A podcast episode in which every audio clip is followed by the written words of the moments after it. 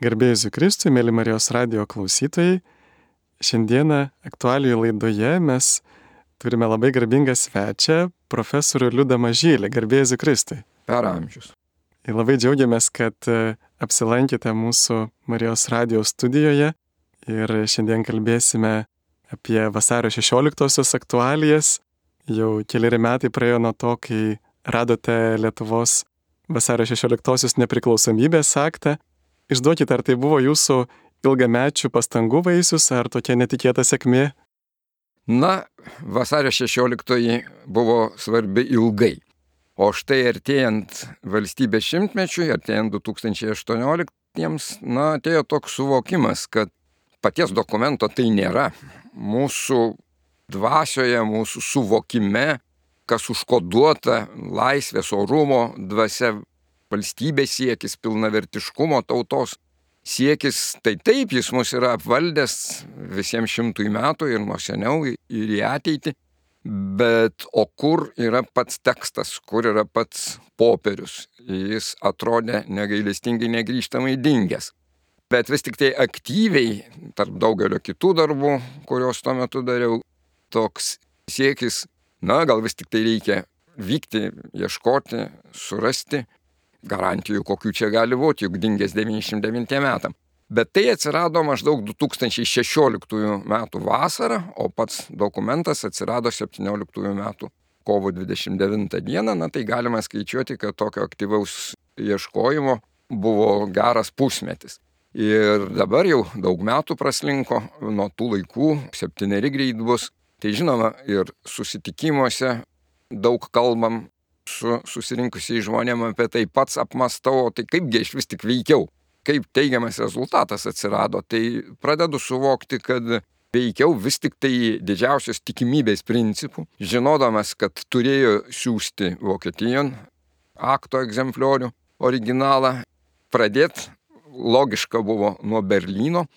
Na, žinoma, reikėjo pirmiausiai save įtikinti ir kad apvaldytų tikėjimas, jog ieškau nežuvusio daikto, ieškau esančio daikto. Taip, kai jisai atsirado, tada jau buvo galbūt daug laiko reikalausianti, atrodė, tačiau jau ta paieška baigtinė. Ir taip skaičiavau, kad turbūt per kokias, dabar suskaičiuoju atgalinę tvarką, kad per kokias tris savaitės turbūt žinant tvirtai įsitikinus, kad dokumentas yra kur nors Vokietijoje, tai per tris savaitės jis vienai par kitai būtų atsiradęs. Na, bet jūsų klausime yra, ar netikėta sėkmė, tai netikėta sėkmė turbūt yra ta, kad jis atsirado ne per savaitės, o jis atsirado per pusantros dienos. Tai pavyko pataikyti greičiau. Toks ir būtų atsakymas. Bet kodėl kiti nerado, tiek metų ieškojo ir nerado?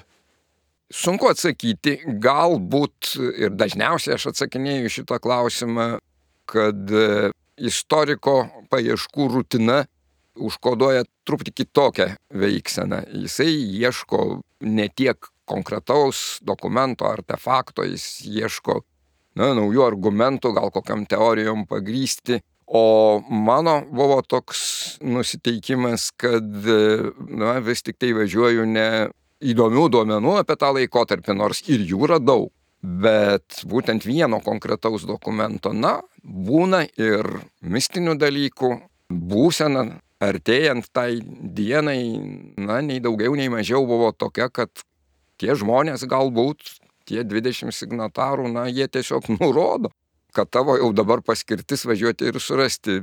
Kartais atrodydavo ir taip. Iš tikrųjų, turbūt labai pakėlė mūsų tokią lietuviškumo, tautiškumo dvasę, tokį gal net ir dėkingumo už nepriklausomybę, va būtent kada buvo tasai šimtmečio minėjimas nepriklausomybės, tai tikrai turbūt buvo tas dokumento suradimas labai svarbus, ypatingai va artėjančių ir jau tuo metu vykusių tų iššūkių akivaizdoje. Aš visiškai pritarčiau. Aš sakyčiau, kad tol, kol to dokumento nebuvo, na tai gerai, mes tvėrėm, gyvenom be jo, pripažinom, kad tie politikos įvykiai per šimtą metų buvo sudėtingi, griūčių, žučių, tremčių, kiek visko buvo. Na, kas nuostabaus, kad tas dokumentas dingo. Kai jis atsirado, apvaldęs džiaugsmas parodė, kad jo mums tikrai labai trūko. Tai nebuvimas to dokumento, na, buvo savotiškas netiesioginis, bet galbūt paniekinimas mūsų tautai, kad, va, na, žiūrėkit, reiškia, ir per sovietmetį tas susiformavo, na, kaip jūs nesaugot pagrindinių dalykų, va, jūs sugebat prarast pagrindinį savo valstybės dokumentą. Tai matyt buvo tam tikra tautos savivokai, tautos sielai, tam tikra užslėpta žaizda, kur kai dokumentas atsirado, tai ji buvo užgydyta. Iš ten ir atsirado daug džiaugsmo. O va, kai signatarai pasirašė tą aktą, kokia buvo to meto politinė situacija, geopolitinės aplinkybės po pirmo pasaulinio, pirmo pasaulinio karo metu, ar tai pasirašyti buvo na, panašiai rizikinga kaip ir kovo 11-osios nepriklausomybės atkūrimo aktą ir juk turbūt jie tikėjosi, kad reikės kraujo praleimo apginti Lietuvos laisvį. Tai pirmiausiai kas galėjo pasakyti, kad po pusmečio karas baigsis. O jis baigėsi maždaug po pusmečio. Kas šiandien gali pasakyti, kiek laiko dar Rusijos agresyvus karas Ukrainoje užsitęs ir kada ir kaip jisai baigsis. Paskui jau mes užsipildome žinojimo, aha, reiškia, karas va čia jau dar po kelių metų baigėsi. Tai vienas dalykas. Antras dalykas, tiek kiek aš studijavau to meto nuotaikas, tai jie visi tikėjosi taikos konferencijos. Ir Lietuvos tarybos veikla, ir visos lietuvių tautos nusiteikimas buvo, kad kai sukursim valstybę, mes niekam nekliūsim. Mes būsim taiki tauta, mes nekonfliktuosim su kaimynais, na, apginti sienoms bus su gražiom uniformom ir su simboliniais kardais stovės jie, jeigu koks vienas ar kitas pažeidėjas bandytų brautis. Ir antra mintis buvo, kad reikės tikrai labai daug dirbti. O tai, kad reikės lieti kraują ir kiekvieną žemės pėdą aplaistyti savanorių krauju, kariškių krauju, taip nebuvo galvojama. Bet kai to prisireikė, tauta pakilo ir darė tai. Ir kokia buvo Rusijos reakcija tuo metu?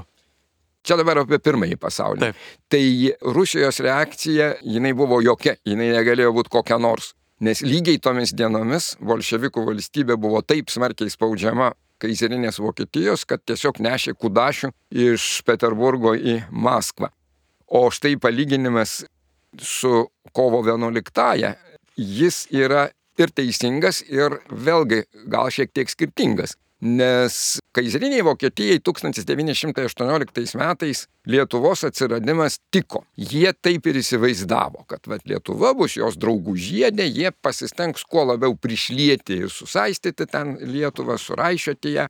O štai prieimus kovo 11-osios aktą 90 metais visur čia buvo Rusijos įsigalėjimas. Minties net tokios nekilo, kad Sovietų sąjunga čia ims ir kažkokią mažytę lietuvėlę paims ir, ir suardys, susprogdins. Tai kovo 11-osios akto prieimimas nieko kito negalėjo sovietiniai valdžiai sukelti kaip tik tai keršto jausmą, ką jie ir padarė, inicijuodami ir provokuodami sausio įvykius 91 metais ir, ir žiaurumas buvo neįtikėtinas. Na ir Lietuva vėl turėjo gintis. Kas bendra tarp 18 metų, mano nuomonė, ir 991 yra tai, kad vykdomosios valdžios kontrolės neturėjo Lietuva nei tada, nei 18 metais įgyjo pamažu tą kontrolę iki 18 metų galo, neturėjo jinai jos ir 1990 metais, o deklaravo laisvę, deklaravo suverenumą. Ir Lietuvos taryba veikė visos Lietuvos tautos vardu, ir aukščiausioji taryba išrinkta 900 veikė visos tautos vardu. Čia paralelės yra labai panašios ir štai rizika, kaip pat jūs sakot, veikti tautos vardu, kada tu, na, kuo gali pasitikėti. Tik tai, kad žmonės aukos savo gyvybės. Tai žinoma buvo labai rizikinga. O mes dažnai girdime tokią mintį, kad Lietuva tarsi lėmė Sovietų sąjungos žlugimą, va tuo nepriklausomybės paskelbimu. Pat jeigu žvelgiant istoriškai, iš tikrųjų, koks buvo Lietuvos vaidmuo tame Sovietų sąjungos žlugime, ar, ar tikrai mes suvaidinam tokį reikšmingą vaidmenį? Aš teikčiau, kad e, Baltijos valstybės, na, iš dalies Ukraina, Moldova, Pietų Kaukazo Respublikos, jos buvo tie varikliai. O tarp tų visų veikiančiųjų jėgų, tai Baltijos valstybės buvo lemiama jėga, o tarp Baltijos valstybių nebejotinai Lietuva buvo nusiteikus ryštingiausiai, radikaliausiai, konstruktyviausiai Ir daugelį mėnesių jinai tą kryptim veikė ir kovo 11-osios aktas skirtingai nuo kitų valstybių, kurios deklaruodavo, kad jos nepriklausomos, o nepriklausomos valstybės atkūrimo aktas kovo 11-ąją jisai pasiremė vienareikšmiškai vasario 16-ąją testinumu Lietuvos valstybės inkorporacijos į Sovietų sąjungą, tarptautiniu nepripažinimu, tai tuo metu ne tik aktas tą vakarą buvo priimtas, o iš viso penki nuosekliai dokumentai, kurie jau Lietuvą pozicionavo kaip nepriklausomą veiksnę valstybę, ne tik tai, kad teikiančią kažkokių intencijų laisviai, bet tiesiog mes pasakom, kad mes vėl laisvi ir valdom savo valstybę. O kaip Jūs manat, kokia priežastis ar kokios priežastys lėmė, kad kaip e, mūsų dienomis mes matom, Lietuva irgi yra viena iš tokių aktyviausiai besipriešinančių Rusijos agresijai Ukrainoje. Ir atrodo, ir tuo metu buvo tarsi aktyviausiai besipriešinanti va, tai Sovietų sąjungos agresijai. Kaip manot, kodėl būtent Lietuva turėjo tokį aktyviausią pasipriešinimą šitai tokiai, galėtume sakyti, na, blogio imperijai? Ar dėl to, kad lietuviai buvo labia, labiausiai galbūt nukentėję, ar lietuviai galbūt buvo drąsiausi, ar jiems grėsti didžiausias pavojus? Va, kodėl iš Lietuvos išeina toks va, stiprus ir ištingas pasipriešinimas prieš šitą pavergimą iš Rusijos pusės? Turbūt atsakymas jau yra ir jūsų klausime. Visi tie faktoriai buvo svarbus. Aš dar pridurčiau tik tai tokią lakę frazę, kurią apie Lietuvos tarybą buvo ištaręs kažkuris tai iš Vokietijos kaizerinės okupacinės čia valdžios pareigūnų. Jie išvadino Lietuvos tarybos narius akiplėšomis iš tikrųjų, vat, visi tie faktoriai, kur jūs minit, ir XIX amžiaus istorijas, sukilimai, kuriuos visą laiką užgneuždavo 1905 metų revoliucija. Na ir pagaliau, vat, 18 metai toksai galimybių langas, kada, na, kitos aplinkinės tautos sako, nu, kiekgi dar čia turėjo būti ir sėkmės, kiek čia dar turėjo būti ir geopolitinio aplinkybių sutapimo. Na, tauta turbūt tą jaučia. Jinai jaučia, kad jinai gavo tai, kas gaunama be ne per stebuklą, Na ir tada jau jinai pasiryžus ginti, ką iškovojus aktyviai ir kai kada agresyviai. Tai Lietuvos užsienio politikai agresyvumas iš tikrųjų turbūt gerąją to žodžio prasme, bet jis visada buvo būdingas. Čia galima paminėti daugą. Čia ir partizaninė kova, pokario, kai jau tikrai ten tų realių vilčių politinių nesimatė, bet, bet žmonės kovą tęsė. Čia dar tikintieji Lietuvos dar prisimena ir mergelės Marijos apsiriškimus Fatimoje 13 dieną, gegužės 13. Ir taip sutapo, kad tada mergelė Marija pranašavo ir Rusijos atsivertimą, tos visos blogio imperijos žlugimą ir kartu kaip tik pasikesinimas į popiežių vyko, kaip tik gegužės 13 dieną 81 metų. Ir vėl čia ta sausio 13 diena, na, kai kam irgi primena vat, tą iš tikėjimo pusės tą mergelės Marijos užtarimą, kad iš tikrųjų pažadėjo jinai, kad, kad va Dievas dovanos taiką mūsų kraštams ir daug Dieve, kad tai ir, ir toliau tęstusi. Mėly Marijos radio klausytojai, jūs girdite aktualių laidą. Šiandieną susitinkame su gerbiamu profesoriumi Liudu Mažyliu, kalbame apie vasario 16-osios nepriklausomybės aktą.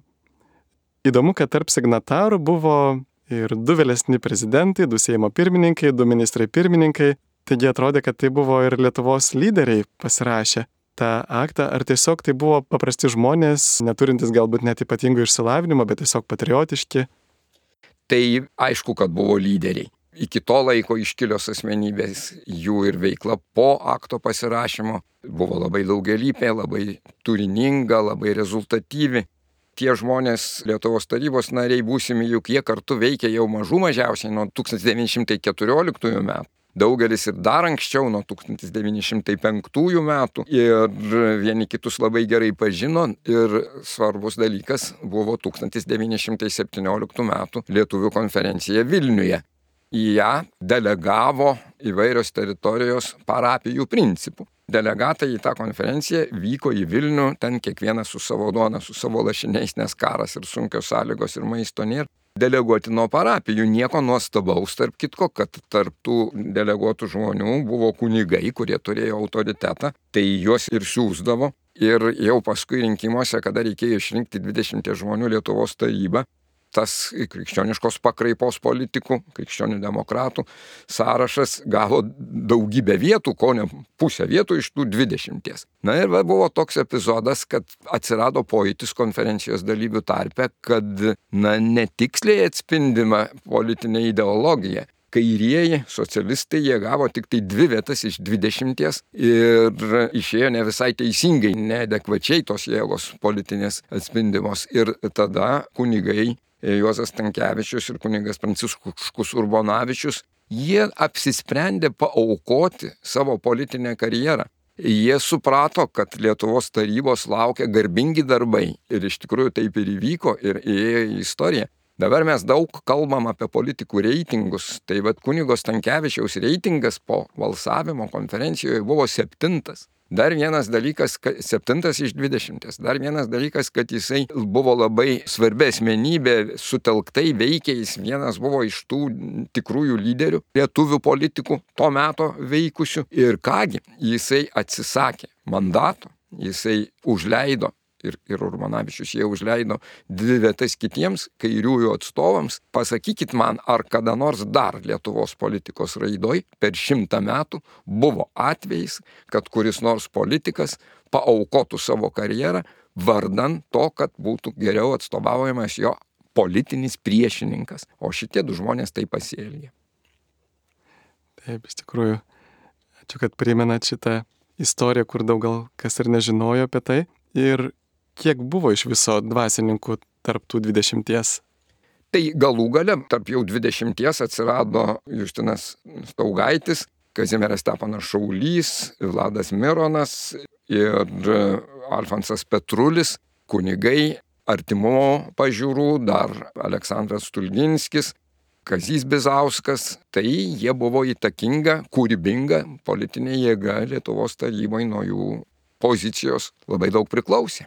O kaip ten buvo, priminkite, tas santykis tarp ateitininkų ir tautininkų, jie liktai iš pradžių nelabai gerai sutarė. Tautininkai tai e, būsimieji pavadinkime. Taip, taip, tautininkai tai čia yra dar viena tokia dešinioji jėga, na tai ką jiems čia mes turėtumėm priskirti, gal kitą asmenį pavardę Šaulys, daktaras Jurgis Šaulys, Antanas Metona. Tai vėliau kaip tautininkas galima būtų teikti, kad ir kunigas Ladas Mironas veikė Tai ta skiriamoji linija galbūt tam tikra buvo, bet mes dabar ir vienus ir kitus turbūt vadintumėm centro dešinės.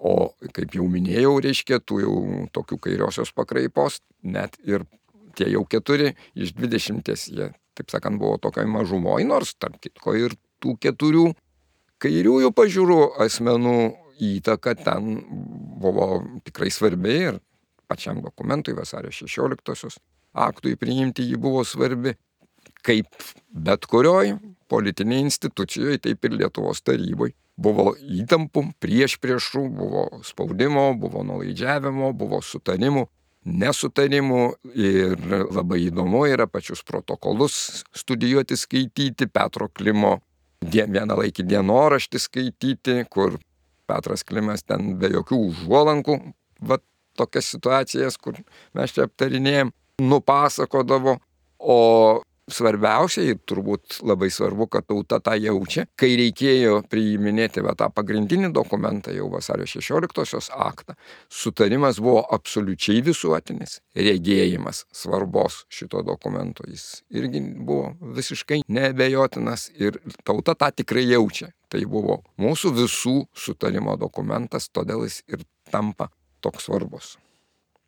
8 iš 20 signatarų mirė antrojo pasaulinio karo metais. Ar su jais susidorojo sovietų valdžia, ar buvo kitos priežastys? Nebejotinai taip. Kai kalbama, kad, na, jie turėjo rizikuoti 18 metais, kaizerinė valdžia, jie prieš plauką ten jiem ėjo, jiem ten grėsė tas kas nors, tai tikrosios grėsmės dėje iškilo antrojo pasaulinio karo metais, sovietų okupacijos metais kai sovietams buvo svarbu užgneušti laisvės siekį ir o šitie 20 žmonių juk kaip tik tai ir įkūnijo. Tai su jais buvo apsispręsta susidoroti fiziškai. Aštuoni mirė dėl vieno ar kitų priežasčių, o dar mes turėtumėm nepamiršti, kad buvo priversti pasitraukti į vakarus, kiti bandydami išvengti to fizinio susidorojimo.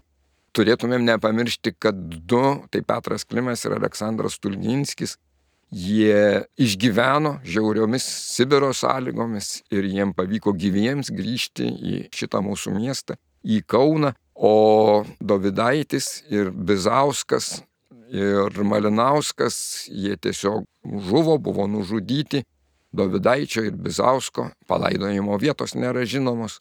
Tai čia susidorojimas su jais kaip asmenimis įkūnijančiais Lietuvos laisvės siekį iš sovietų pusės buvo visiškai akivaizdus.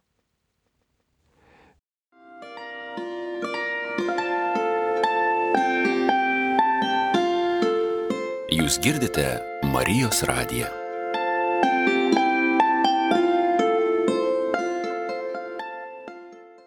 Prieš porą dienų vasario 14 buvo signataro ateitininko Kazio Bizausko gimtadienis, gimimo metinės. Gal galėtumėte apie jį šiek tiek daugiau papasakoti? O labai įdomi asmenybė iš tikrųjų. Pirma, išsiskiria tuo, kad buvo signatarų tarpe jauniausias amžiumi. Toliau ėmėsi labai plačių veiklos barų, iš tikrųjų plataus spektro veikėjas, Krikščionių demokratų partijos narys, jūs paminėjote ateitininkas, teisininkas, politikas, teigiamojo Seimo narys, ministras, iš pradžių švietimo ministras, paskui dar kitose vyriausybėse 39-40 metais buvo ministras, literatas, prikūręs daugybę tekstų, o knygų jo išleistų yra netaip daug, kelios turbūt vos tik tai. Tai čia vad gal būtų proga pakalbėti apie tai, kad mes toli gražu dažnai ne viską dar padarom, kad tų asmenų įdirbis, kad jis būtų deramai atspindėtas, kad jų siekius, na, išleistume, matytumėm pilnumoj, nors negalima sakyti, apie kiekvieną iš signatarų yra išleista knygų, gal ir ne po vieną knygą. Na, ką dar, Kazys Bizauskas buvo diplomatas, atstovavo ir Junktinėse valstijose, ir Vatikane Lietuvai, Lietuvos banko vienas iš steigėjų. Na, o kadangi tais lemtingais Lietuvai 40 metais buvo vienas svarbiausių kertinių vyriausybių narių, tai jis buvo jau 1940 metais tarptų, kurios sovietinė valdžia suėmė, įkalino, o 1941 metais jau kaip kalinį, čia artėjant Vokietijos hitlerinės okupacijai, jį sovietai gabeno, varė kolonoje, kiek suprasčiau ir pamatę, kad jau čia artėja vokiečių kariuomenė, tai tiesiog pakeliai sušaudė ir jo palaidojimo vieta dėja taip ir yra nežinoma. O dar viena įdomi detalė, man toks kilo klausimas, bežiūrint nuotrauką, kur buvo tas suvažiavimas, kuriame buvo vat, renkama ta taryba. Ir visi atrodė, kad liktai visi iki vieno buvo vyrai. Taip turbūt nebuvo nei vienos moters, kada jos pradėjo maždaug dalyvauti politikoje ir iš kur čia buvo toks įsitikinimas, kad va, turi būti vien tik tai vyrai politikoje. Šitą klausimą daug kas dabar uždavinėja man, na ypač kai dabar daug kalbama apie lyčių lygybę ir kartais apie lyčių lygybę, na, kuri klostosi va čia dabartiniai šio laikiniai visuomeniai. Retrospektyviai bandoma taip sakant, tos pačius standartus, tą patį įsivaizdavimą taikyti ir įvykiams, kurie buvo prieš šimtą metų. Tai turėčiau pasakyti, kad Taip, moterų iš tikrųjų politikoje buvo veikiau vienetai. Na, mes gerai prisimenam Feliciją Bortkevičianę, mes gerai prisimenam Gabrielę Petkevičaitę Bitę, kuri ir reiškia ir steigiamojo Seimo pirmąjį posėdį atidarė, va ten tarp steigiamojo Seimo narių ir... Žodžiu, visgi buvo ten moterų. Kažys Visauskas buvo, tai taip, bet jų tiek ir buvo, va, kiek mes dabar matom. Na, Vileišienė, va, buvo aktyvi politikė. Tačiau turbūt svarbiau kitkas. Svarbiau turbūt yra tai, kad pačiam vasario 16-osios akte buvo užkoduotas moterų dalyvavimas politikoje ir ten kalba buvo tik apie steigiamą į Seimą, bet mes dabar žvelgiam daug plačiau kamgi buvo suteikta teisė formuoti steigiamą į Seimą. Akte parašyta vasario 16 akte valstybės ateitį santykių su kaiminėmis valstybėmis, valstybės institucijų sąranga nulems steigiamasis Seimas visų jos visų Lietuvos gyventojų išrinktas. Ir trumpas lietuviškas žodelytis visų, jis tą ir reiškia, kad moterys ir vyrai turės vienodas teisės rinkti ir būti renkami, taip pat asmenys, kurie turi turtą ir kurie neturi turto, vadinasi, nebegalios turto cenzas, ir lietuvių etninės grupės, ir visų kitų Lietuvoje gyvenančių etninių grupių atstovai. Tai jeigu palygintumėm to meto, o tai ir atsirado toj pat ir konstitucijose, tai buvo realizuota, tai nebuvo tuščios deklaracijos, taip ir vyko steigiamojo Seimo formavimas, tai mes turėtumėm pasakyti, kad Daugybė jau Europai tuo metu buvo valstybių, kurios turėjo jau daug ilgesnę valstybingumo patirtį, demokratijos patirtį. Ir moteriams teisė dalyvauti politikoje buvo įvedama labai labai laipsniškai. Tai 18 metų vasario 16 dienos dokumentas jisai įtvirtino tą moterų politinę lygybę labai radikaliai, labai, labai pažangiai. Kaip manote, kas palaikė to meto patriotiškumą Na, jūs aišku ir minėjot, kad jie tikėjosi taikos, galbūt nereikės guldyti gyvybės, bet vis dėlto vis tiek e, buvo tokia turbūt rizika, ar ne, kad reikės ir aukotis už savo artimuosius, galbūt net e, numirti už tautą. Ir tuo labiau, kai nesi iki galo tikras, ar pavyks apginti, na pavyzdžiui, ir mūsų partizanai, jie nebuvo iki galo tikri. Ir tam reikia labai daug tokios ir pasiaukojančios meilės, ir tikėjimo, ir vilties, kas palaikė to meto patriotiškumą, Kaip manote? Na tai sakyčiau, kad žmoguje tas laisvės, orumo, teisingumo siekis, na, jis yra beribis, begalinis. Ir kartą apsisprendęs aukotis, na, pasikliauna Dievu, tampa įsitikinęs, kad, na, toks jo pašaukimas, tokia paskirtis, tokia pareiga. Ir nuo to momento turbūt jau atsitinka taip, kad, na, nebeabejojama. Teks žūti, tai vadinasi tokia lemtis, teks kovoti toliau, vadinasi, kovosiu tol, kol jėgų turėsiu. Taip buvo ir savanorystės laikais 18 pabaiga, 19 metai. Tai buvo ir po antro pasaulinio karo, kai partizanai suvokė turbūt, kad likę vienui vieni ir neteista parama daugiau iš niekur, realiai beveik beginkliai, tačiau juos vedė dvasios stiprybė. O kaip manote, kas padėtų šių dienų jaunimui pamilti tėvinę Lietuvą taip, kad būtų pasiryžę už jos laisvę, esant reikalui net paukoti savo gyvybę? Nežinau, gal mano, taip sakant, dabartinis gyvenimas taip laimingai klostosi, kad aš dažniausiai susitinku su jaunimo atstovais, kurių pasiryžimą ir dabar matau.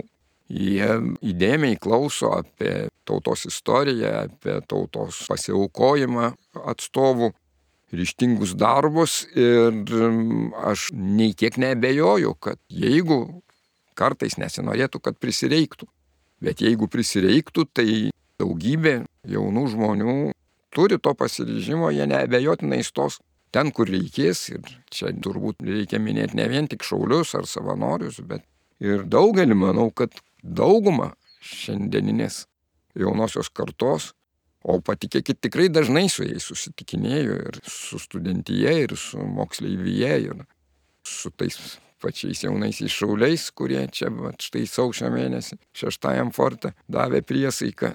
Tai daugybė jų jau šiandien labai vienareikšmiškai suvokia savo paskirtį.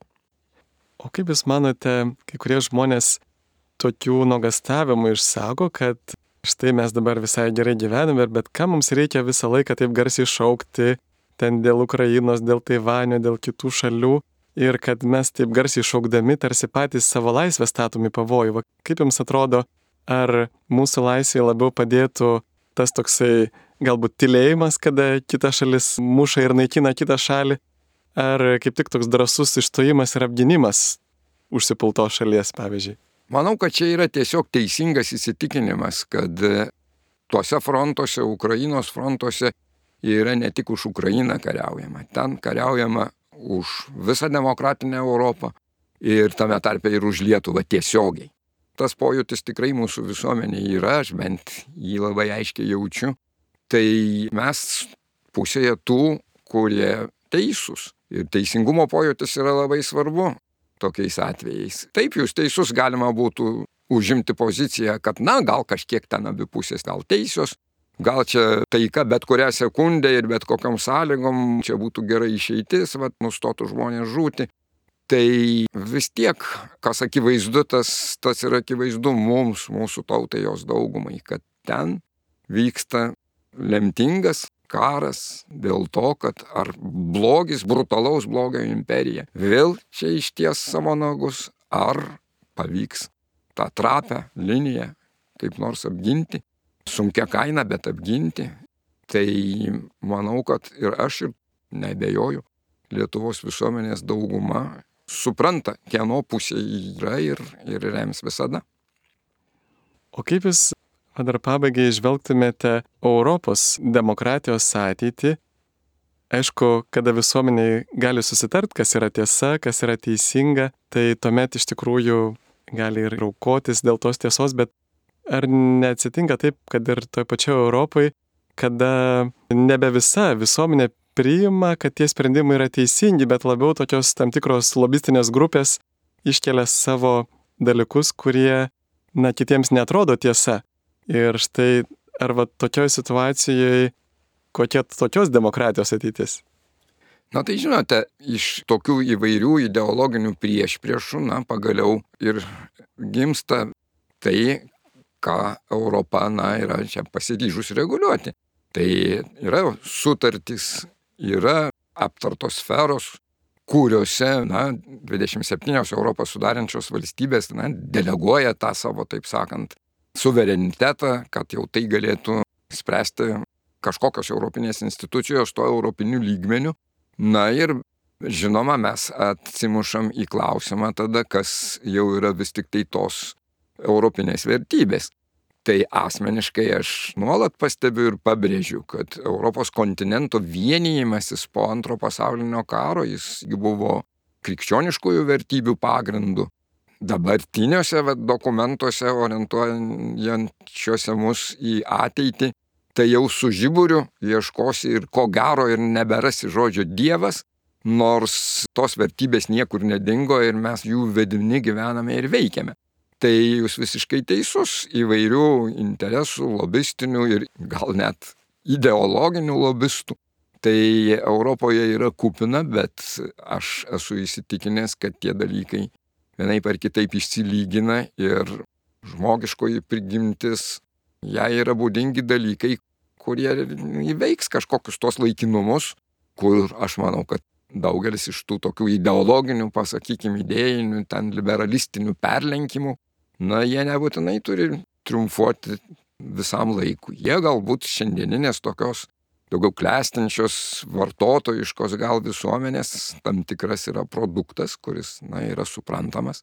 Yra pažiūrų laisvė, negalima žmogui drausti mąstyti taip, kaip jisai nori ir, na, europinės tos institucijos ir yra savotiškas katilas, kuriame viskas verda, išsilydo, na ir priimami vien, vienokie ar kitokie sprendimai. Jie, žinoma, nebūtinai turės patikti visiems.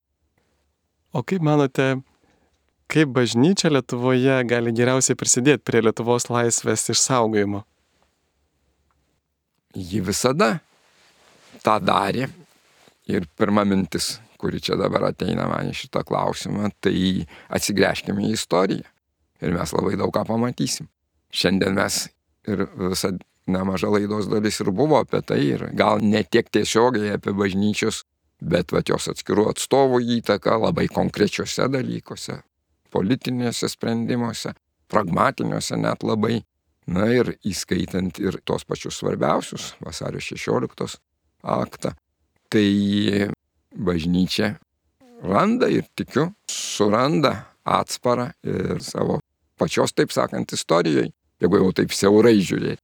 Tai jinai gerai jaučia, bažnyčios atstovai, bažnyčios tarnai labai gerai jaučia visuomenės nusiteikimus ir turi galimybių ir toliau veikti, kaip, kaip tą darė ir visada. Tai dėkojame Jums. Šiandieną, mėly klausytojai, girdėjote aktualijų laidą kartu su profesoriumi Liudu Mažyliu, kuris kalbėjo apie vasario 16-osios aktą ir su tuo susijusius dalykus, aktualijas. Laidą vedžio aš kunigas Sigitas Jurkštas ir atsisveikiname iki kitų susitikimų sudė. Sudė.